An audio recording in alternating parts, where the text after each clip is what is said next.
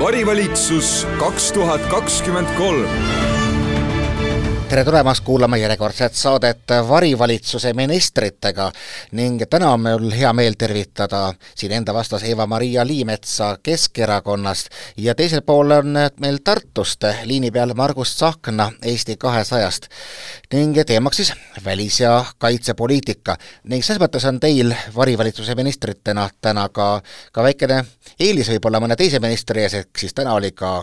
välis- ja julgeolekupoliitika meie valitsuse istungil täiesti tugevalt esindatud. näiteks muuhulgas kuulutati välja erakorraline õppekogunemine või siis äh, vähemalt äh, välkõppekogunemine, ütleme, kui täpsemalt öelda, nagu väljendas äh, päris kaitseminister Hanno Pevkur no Eesti kaitsmise üle ja õppuste üle ju tegelikult ju ilmselt väga palju keegi ei vaidle, et praeguses julgeolekuolukorras on see kõik tähtis, no aga samamoodi, kui mingi asi sünnib nii vahetult enne valimisi, midagi sellist, mis just nagu kõigile meeldib, tekib ikkagi paratamatult tunne, et, et see kuidagi on seotud äh, lähenevate valimistega, et siis ennast julgeolekuolukorra taustal natukene noh, peesitada selle taustal, et kuidas teile, teile tundub, et äh, kuivõrd äh, noh, puhast mängu me siin praegu mängime? olin kaitseminister kaks tuhat kuusteist aastal, kui äh, me tegime esimese lisaõppekogunemise üldse, et loodi siis vastav ka juriidiline alus selle jaoks, et ka lihtsalt raadiokuulajatele või, või üldse kuulajatele äh, selgitada, et see on siis äh, väga lühikese etteteatamisajaga õppekogunemine, et kui me oleme harjunud tavaliselt suurte õppustega, et tulevad kutsed ja siis on aega, aega planeerida, siis see lõkk äh, okas nii-öelda, et selle asja mõte on äh, väga kiiresti võtta reserv kokku. no muidugi viis nädalat enne valimisi tundub kõik, et on poliitiline, et ka näiteks Moskvas saadiku tagasikutsumine tundub täna nagu pigem poliitiline mäng kui tõsine poliitika aga me teame, et sõda käib ja Kaitsevägi peab kindlasti kontrollima ka oma äh, reservide koondumisvõimekusi ja seekord kutsutaksegi ju tegelikult maakaitseväelased äh, Kaitseliidu taustaga kokku, et äh, ma arvan, et iga õppus on, on vajalik, see on väga hea kogemus ja ja ma loodan, et siin taga ei ole mingit poliitilist arvestust, et äkki saab pilti või et näiteks meie siin varivalitsuses täna arutaksime seda teemat. nii et Eva-Maria Liimets, kas see on koht, kus me nõustume valitsusega praegu? tere ka minu poolt ja tõesti on hea siin, hea meel siin debatis täna osaleda. mis puudutab välja kuulutatud OKAS õppust, siis kindlasti kiidan heaks selle, et meie reservväelastel on võimalus uuesti äh, õppustel osaleda ja koguneda, sest meie julgeolekuolukord regioonis on sedavõrd pingeline, et äh, sellised harjutused on kindlasti vajalikud, et äh, olla veendunud, iga inimene saab olla veendunud Eestis, et julgeolek on tagatud, need inimesed, kes on seatud kaitsma, need on valvel, need on kvaliteetsed, nii et kindlasti ei saa siin tänast kaitseministri otsust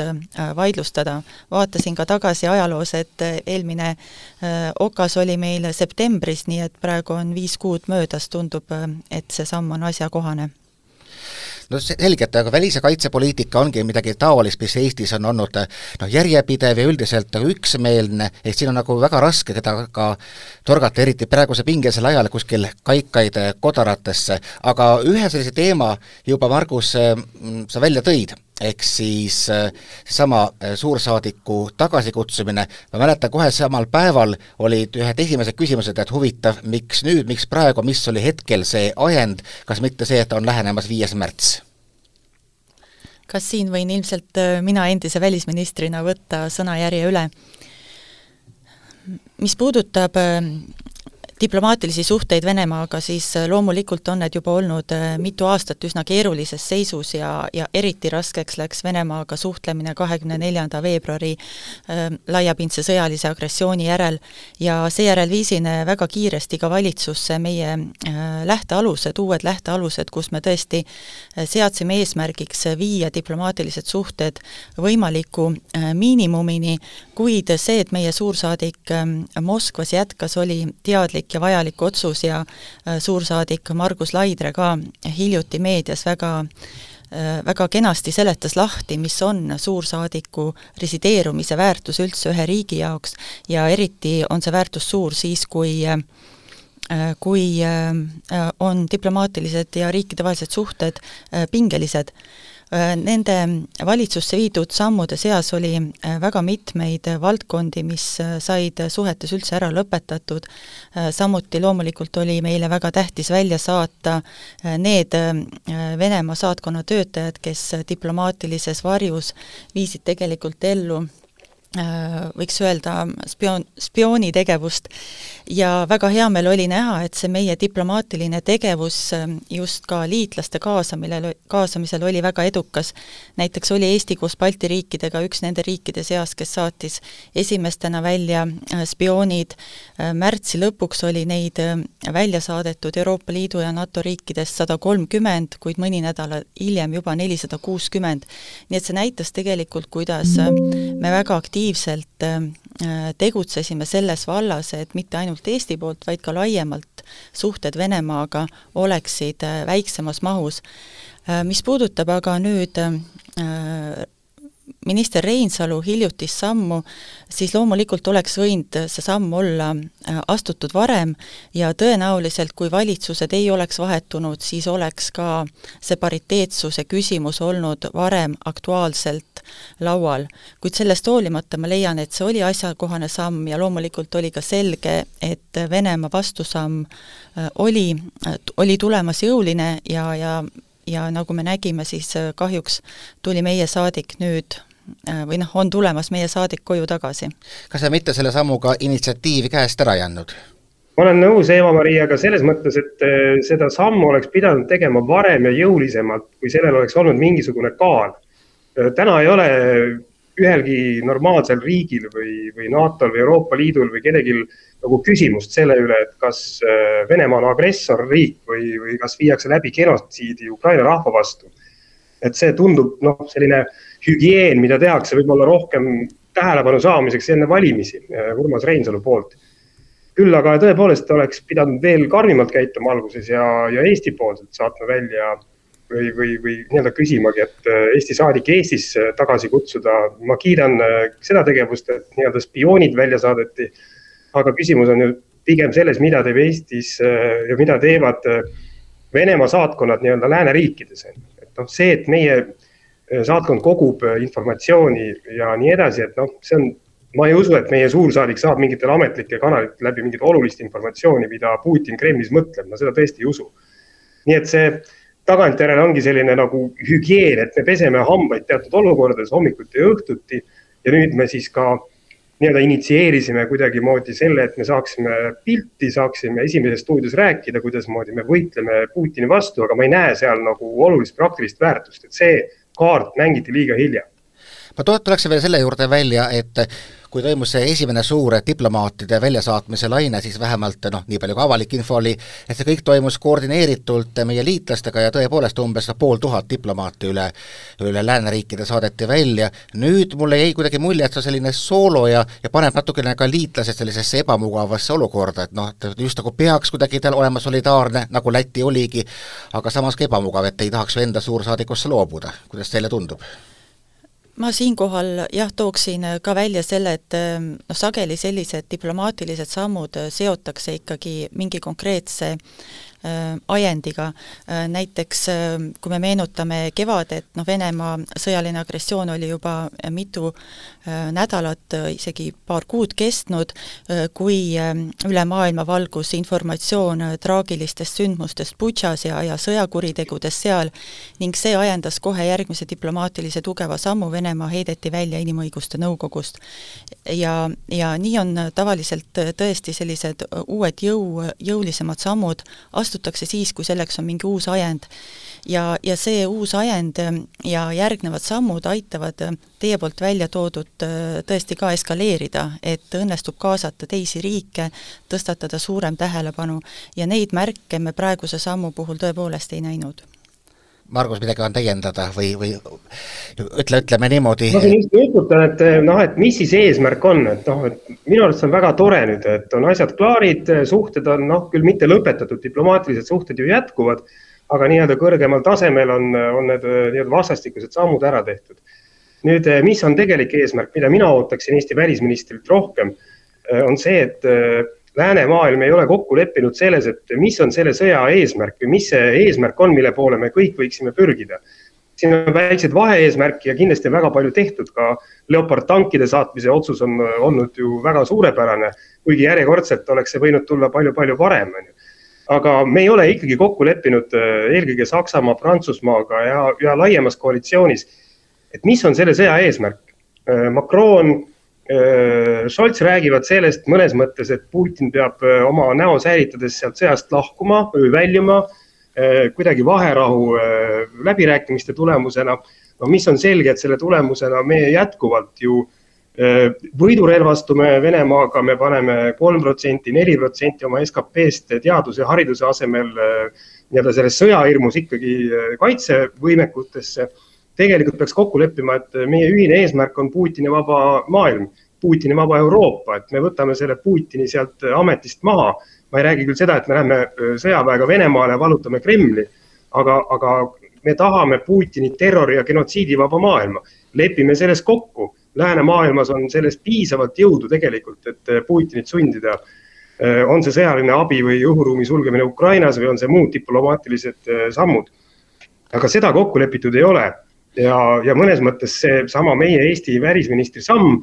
võib öelda, et see oli ju väga okei okay ja hügieen liiga hilja tehtud, aga ma ei saa aru lihtsalt, et mis see siis nüüd noh,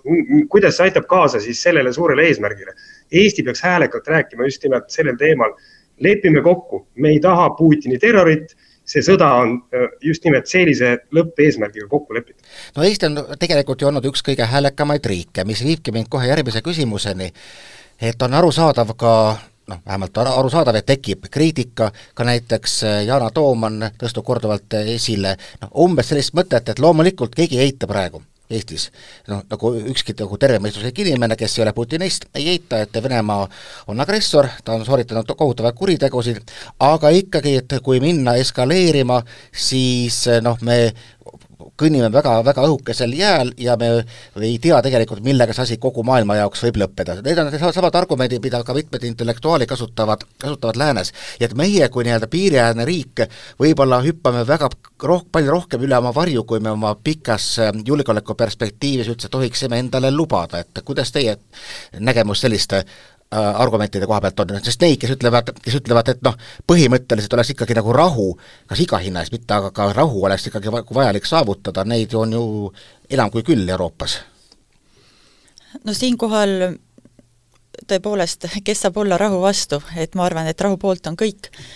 kuid mis see rahu siis reaalsuses tähendab? no esimese asjana ma märgiksin ära siin ikkagi riikide õiguse ja suveräänsuse otsustada oma iseseisvuse, vabaduse, valikute, julgeoleku ja muude muude poliitikate üle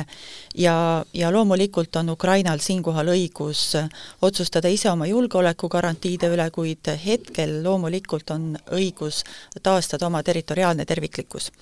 ja kui see territoriaalne terviklikkus Ukrainal on taastatud, siis loomulikult ma usun, et kõik siin Eestis on äh, selle rahu poolt ja loomulikult ka laiemalt maailmas ja mis puudutab nüüd äh, Eesti sellist äärmiselt tundlikku ja, ja, ja siis ka aktiivset käitumist äh, Venemaa alustatud sõjalise agressiooni ajal ja noh, loomulikult see sõda algas Ukraina jaoks aastal kaks tuhat neliteist, et märgin selle fakti ka siin ära, äh, siis on selge see, et Eesti piiririigina näeb neid probleeme vahetumalt ja selgemalt, tajub ohtu oluliselt täpsemalt ja seetõttu on loomulikult ka asjakohane, et Eesti seda probleemi rahvusvaheliselt aktiivselt tõstatab nii et Margus, et see, et me oleme nagu rinderiigina, vabandust, võib-olla see on ebatäpne väljend, aga mulle meeldib kasutada Eesti kohta väljendit rinderiik, selline aktiivne, see on asjakohane? Ehm, me ei ole Eesti riigina käitunud äh, kuidagi erakorraliselt, oleme ausad, me oleme rääkinud juba ju kõvasti üle kümne aasta täpselt sama juttu täpselt sama juttu sellest, kuidasmoodi Putin võib rünnata, eh, kuidasmoodi me peame vaatama üle oma julgeoleku ja välispoliitika just nimelt rahvusvahelistes organisatsioonides. mitte midagi uut.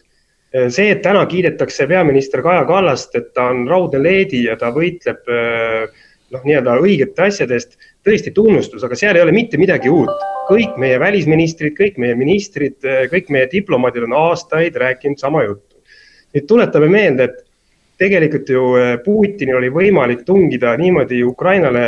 nagu uuesti kallale, ehk siis nagu ma olen ju nõus, kaks tuhat neliteist algas Ukraina sõda, see ei alanud kakskümmend neli veebruar kaks tuhat kakskümmend kaks. see oli just nimelt ju pankrott selles poliitikas, mida rahvusvaheline üldsus on ajanud Venemaa suhtes. ja Eesti asi on see välja öelda. sellise julgeoleku ja välispoliitilise struktuuriga ei ole võimalik edasi minna sest et Ukraina sõjale eelnes ka veel ju Gruusia okupatsioon ja, ja sõda Gruusia vastu. Gruusia on senimaani okupeeritud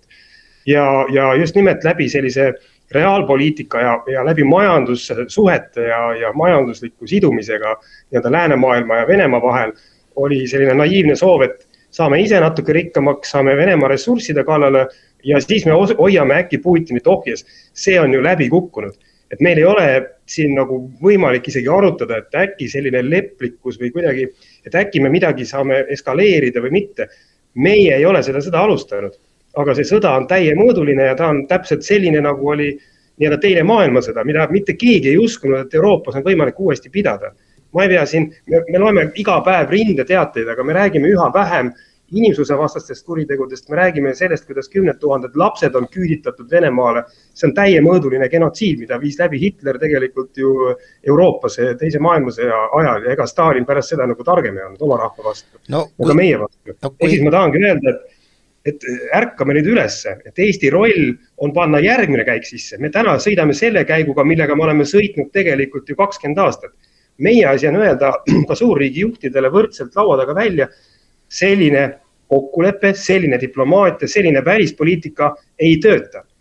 Ja ei ole töötanud, sõda ei ole suudetud ära hoida, see on olnud nii Euroopa Liidu söe- ja teraseliidu alus on olnud see, et ei tuleks uuesti sõda Euroopas. Euroopas. aga kui, ütleme, kui Eesti varem selliste seisukohtadega esines või ka meie partnerid, ütleme, Baltikumis või Poolas, siis oli ju väga tihti reaktsiooniks see, et teil on noh, posttraumaatiline sündroom Nõukogude Liidust ja noh, selge, pärast on nüüd küll Soome peaminister, küll Ursula von der Leyen on öeldud, et noh, me tegelikult oleksime pidanud kuulama Balti riike, aga kui palju meil sellist, sellist nagu usalduskrediiti tegelikult on, et me, kui me hakkame liiga kaugele ennast push ima, ma toon just praegu ka sisse selle teise näite, kuidas Urmas Reinsalu on, ajab äh, ideed, et äh, võtta ära Vene oligarhide varad, mis on väga selline vastuoluline maailmas. et mingi hetk me leitakse jälle, et noh, natuke see pistrik on läinud liiga ennast täis liiga kõrge, kõrgelt lendama, kuidas teile tundub? ma arvan, et need on nagu elementaarsed sammud, et äh, tõepoolest ega äh, Ukraina toetamine tuleb ju meie kõigi arvelt, meie ei ole süüdi, kõik need ühiskonnad, kes me, lääne ühiskonnad aitavad Ukrainat täna rahaliselt, sõjaliselt, see kõik tuleb ju meie arvelt aga me teeme seda solidaarsusest Ukraina vastu ja sellega, selle, sellepärast, et me ise seisame ka omaenda julgeoleku eest seeläbi. Ukraina ülesehitamine läheb maksma triljoneid eurosid või dollareid, ka meie osaleme seal. et äh, muidugi on õiglane see, et äh, Putin maksab selle ise kinni, kuigi rahas ei ole võimalik mõõta seda kahju, mida, mida on ühe rahva vastu äh, ellu viidud.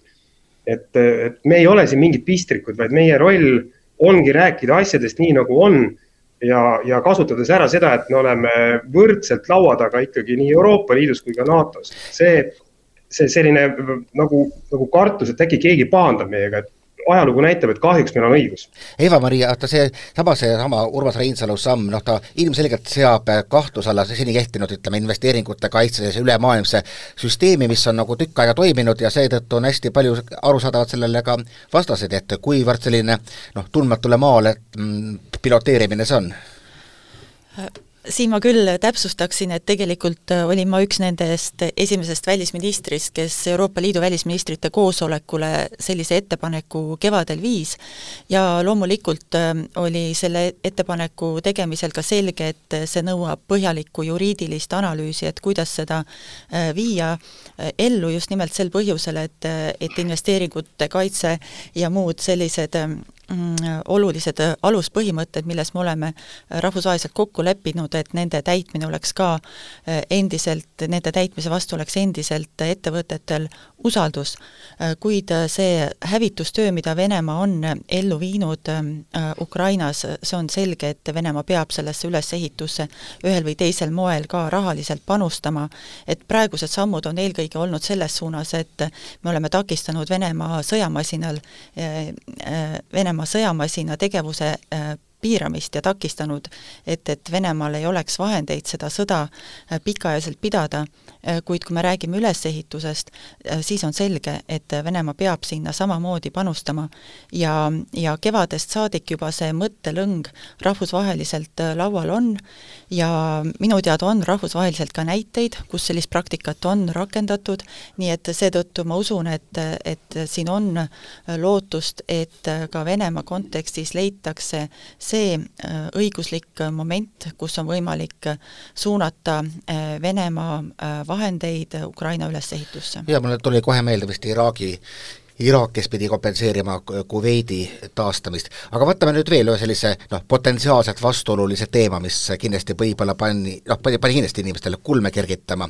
et äh, meie saatkond Ukrainas teatas uhkusega ja seda teada siis ka tsiteeris president Zelenskõi, et Eesti on andnud ära kõik oma haubitsad Ukraina toetuseks, just nimelt kõik. ja paratamatult võib tekkida küsimus, et kuulge, aga kui nüüd midagi peaks juhtuma, oleme meie ühe küljega täiesti paljalt vastu Venemaa piiri, et mis te arvate, kas Eesti on praegu käitunud õigesti? siin on endise kaitseministrina ma ütlen, et Eesti käitus absoluutselt õigesti, et eh, selle, siin ma küll usaldan eh, nii tänast kaitseministrit kui eriti kaitseväe juhatajat ja kaitseplaneerijaid, et Eesti ei ole andnud ära midagi sellist, mis meie kaitsevõimet vähendaks, kuid eh, me oleme andnud ära asju, mis kindlasti praktiliselt aitaks Ukrainas sõda pidada. täna me ei näe ju otseselt sellist, ütleme, maavägede võimekust meie piiri taga Vene poole peal, et eh, see pealetung Eesti suhtes võiks toimuda, küll aga eh, on teema õhukaitses, et eh, mõni rakett meie õhuruumi lihtsalt hoiatuseks on, on täitsa võimalik ja need haubitsad ei oleks kuidagi selle vastu aidanud. aga teiseks ma, ma noh, jällegi nagu, nagu sa ise ka saatejuhina ütlesid, et et ei ole väga palju kritiseerida hetkevalitsust. et tuletame meelde, et see samm astuti ka ju selleks, et survestada Saksamaad, et survestada Scholzi Saksamaa riigikantslerina langetama otsust äh, anda äh, Leopard tankid äh, Ukrainale. ja siin ma pean küll kiitma seda rahvusvahelist koostööd ja ka Eesti rolli, et et üks nendest survestamise aktidest oligi siis koos äh, brittidega sellise suure ja, ja, ja, ja meie mõttes ikkagi äh, ebaproportsionaalselt suure annetuse tegemine Ukrainale, et näete, meie suudame, meie teeme neid otsuseid. Eesti on täna andnud äh, üks protsent oma SKP-st Ukrainale abi, see on pretsedenditu, mitte ükski teine riik ei ole nii palju suutnud abi anda. ja, ja, ja see tegelikult on üks selline piisk järjekordselt ka sellesse, et et Scholz ja Saksamaa otsustas ikkagi seda tankiabi Ukrainale võimaldada. et eh, noh, isegi kui mingil määral meie kaitsevõime on vähenenud, siis eh, praktikas selle väärtus meile on oluliselt suurem. ja kusjuures see üks protsent käib isegi vist mitte üldse abi, vaid sõjalise abi kohta, aga Eva, Eva-Maria jaa, omalt poolt ka ma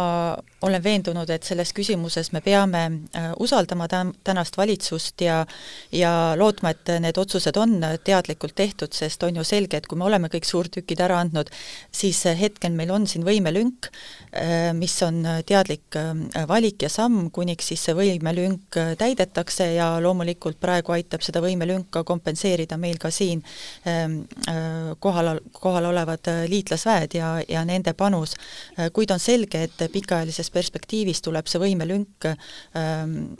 ära äh, lappida, nii et meie iseseisev kaitsevõime oleks loomulikult äh, samamoodi tugevatel alustel. ja, ja mis seal salata, kui sellised uudised tulevad, siis see paneb ikkagi ka äh, rahvusvahelisest meediast ja, ja muudest allikatest informatsiooni kontrollima ja vaatasin just, et NATO peasekretär Stoltenberg on hiljuti ka välja öelnud, et ikkagi täna ähm, see ohuhinnang Venemaa suhtes ei ole muutunud ja selline vahetu oht siis NATO liitlaste vastu, et oleks mingeid signaale, et Venemaa kaalub NATO liitlaste ründamist, et see, see ohupilt ei ole muutunud. Ja ma arvan, et just nende Eesti sammude astumisel on kogu aeg väga tähtis seda üldpilti analüüsida, aga usun, et need inimesed, kes täna on valitsuses ja, ja Kaitseväes loomulikult kõiki neid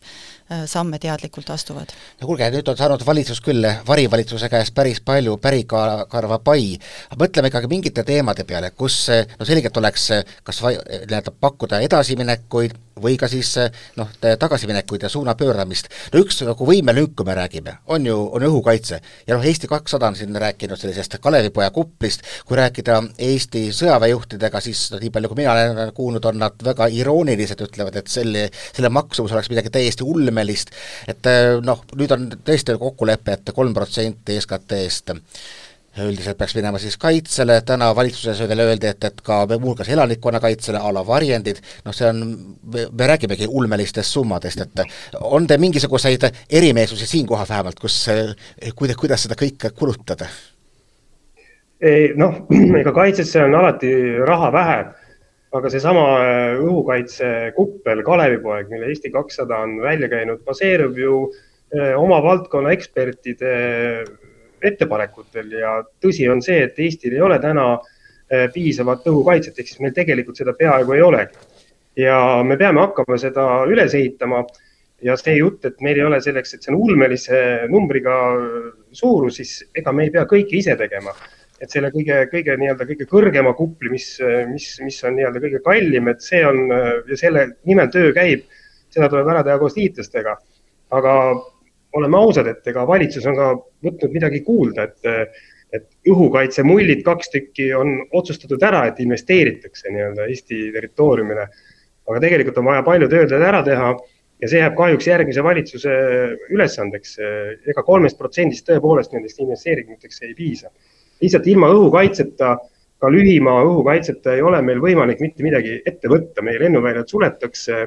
meid halvatakse ja siin peab olema Eestil iseseisev võimekus lisa, lisaks liitlastele, see peab olema permanentne ja kohal. ja, ja, ja sellega tuleb äh,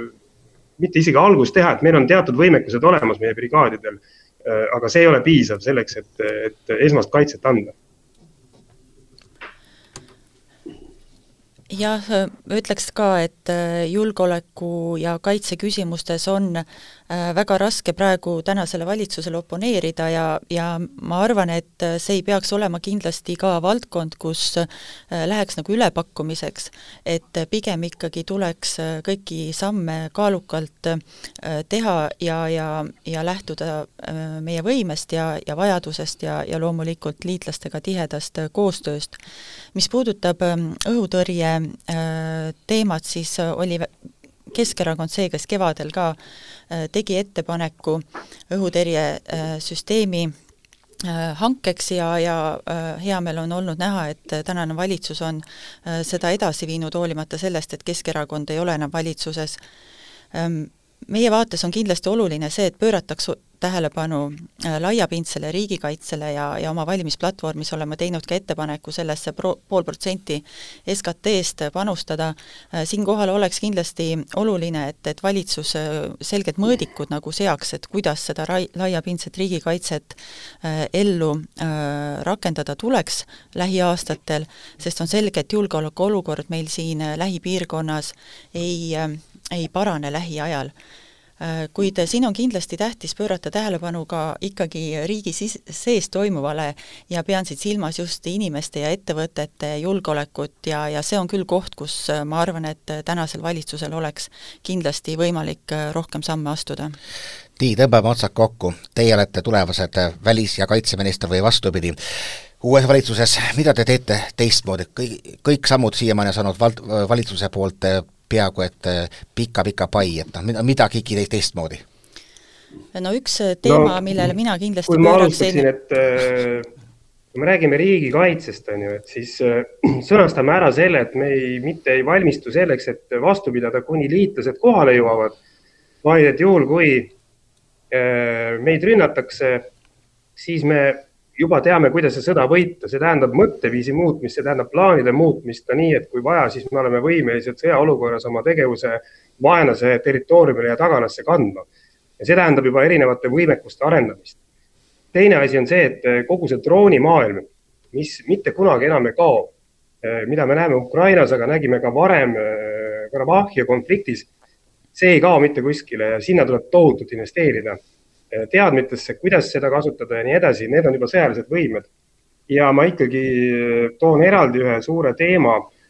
et Eesti peab võtma veel aktiivsema positsiooni eh, Ukraina ülesehitamise teemal. et see on kuidagi varju jäänud, et Eesti diplomaadid ja Eesti Välisministeerium näeb vaeva ja informatsiooni vahetatakse, kuid me teame, et eh, ka majanduslikel põhjustel Eesti riik peaks olema kõvasti abiks äh, koos oma ettevõtjatega, et äh, oma ausa hankekeskkonna ja oma kogemustega osaleda aktiivselt Ukraina ülesehitamise protsessis ja, ja tuua ka Eestisse tegelikult läbi selle Marshalli initsiatiivi, mis on G7 riikide vahel töös, siis ka nii-öelda majanduslikku edu ka Eestile. ehk siis, ehk siis see Ukraina ülesehitamine saab olema järgmise paarikümne, kolmekümne aasta teema Eestil on suurepärane positsioon täna seal aktiivselt äh, käituda. nii, aitäh, Eva-Maria! aitäh! Mm, kui me siin praegu võtaksime üheks fookusteemaks heidutuse, siis me oleme hästi põhjalikult siin äh, laha, lahanud seda füüsilist poolt, ehk siis ähm, milline kaitsevaldkonna taristu meil peab olema, kui palju me peame SKT-st kaitse- ja heidutusvõimesse suunama ja ma arvan, et see on päris hästi äh, kaetud. Äh, teine pool heidutusest on aga alati sõnumid ja sõnumeid viivad ellu teiste seas lisaks poliitikutele loomulikult ka diplomaadid, seda tehakse läbi rahvusvaheliste lepete ja minu meelest me peaksime sellele poolele pöörama rohkem tähelepanu ja muuhulgas ka tugevamalt rahastama äh, Äh, meie välisteenistust. et usun, et äh, mitmed investeeringud, mis on viimastel aastatel äh, riigieelarvest välja jäänud, need kindlasti tuleks järgmisel aastal, lähiaastatel sinna tagasi suunata, et meie diplomaadid saaksid maksimaalselt professionaalset tööd teha. aitäh, Eva-Maria Liimets ja Margus Tsahkna, järgmisel nädalal on varivalitsuses uued variministrid, aga mina olen tõenäoliselt ikkagi sama, Krister Päris Eesti Päevalehest ja jälle kuulmiseni! varivalitsus kaks tuhat kakskümmend kolm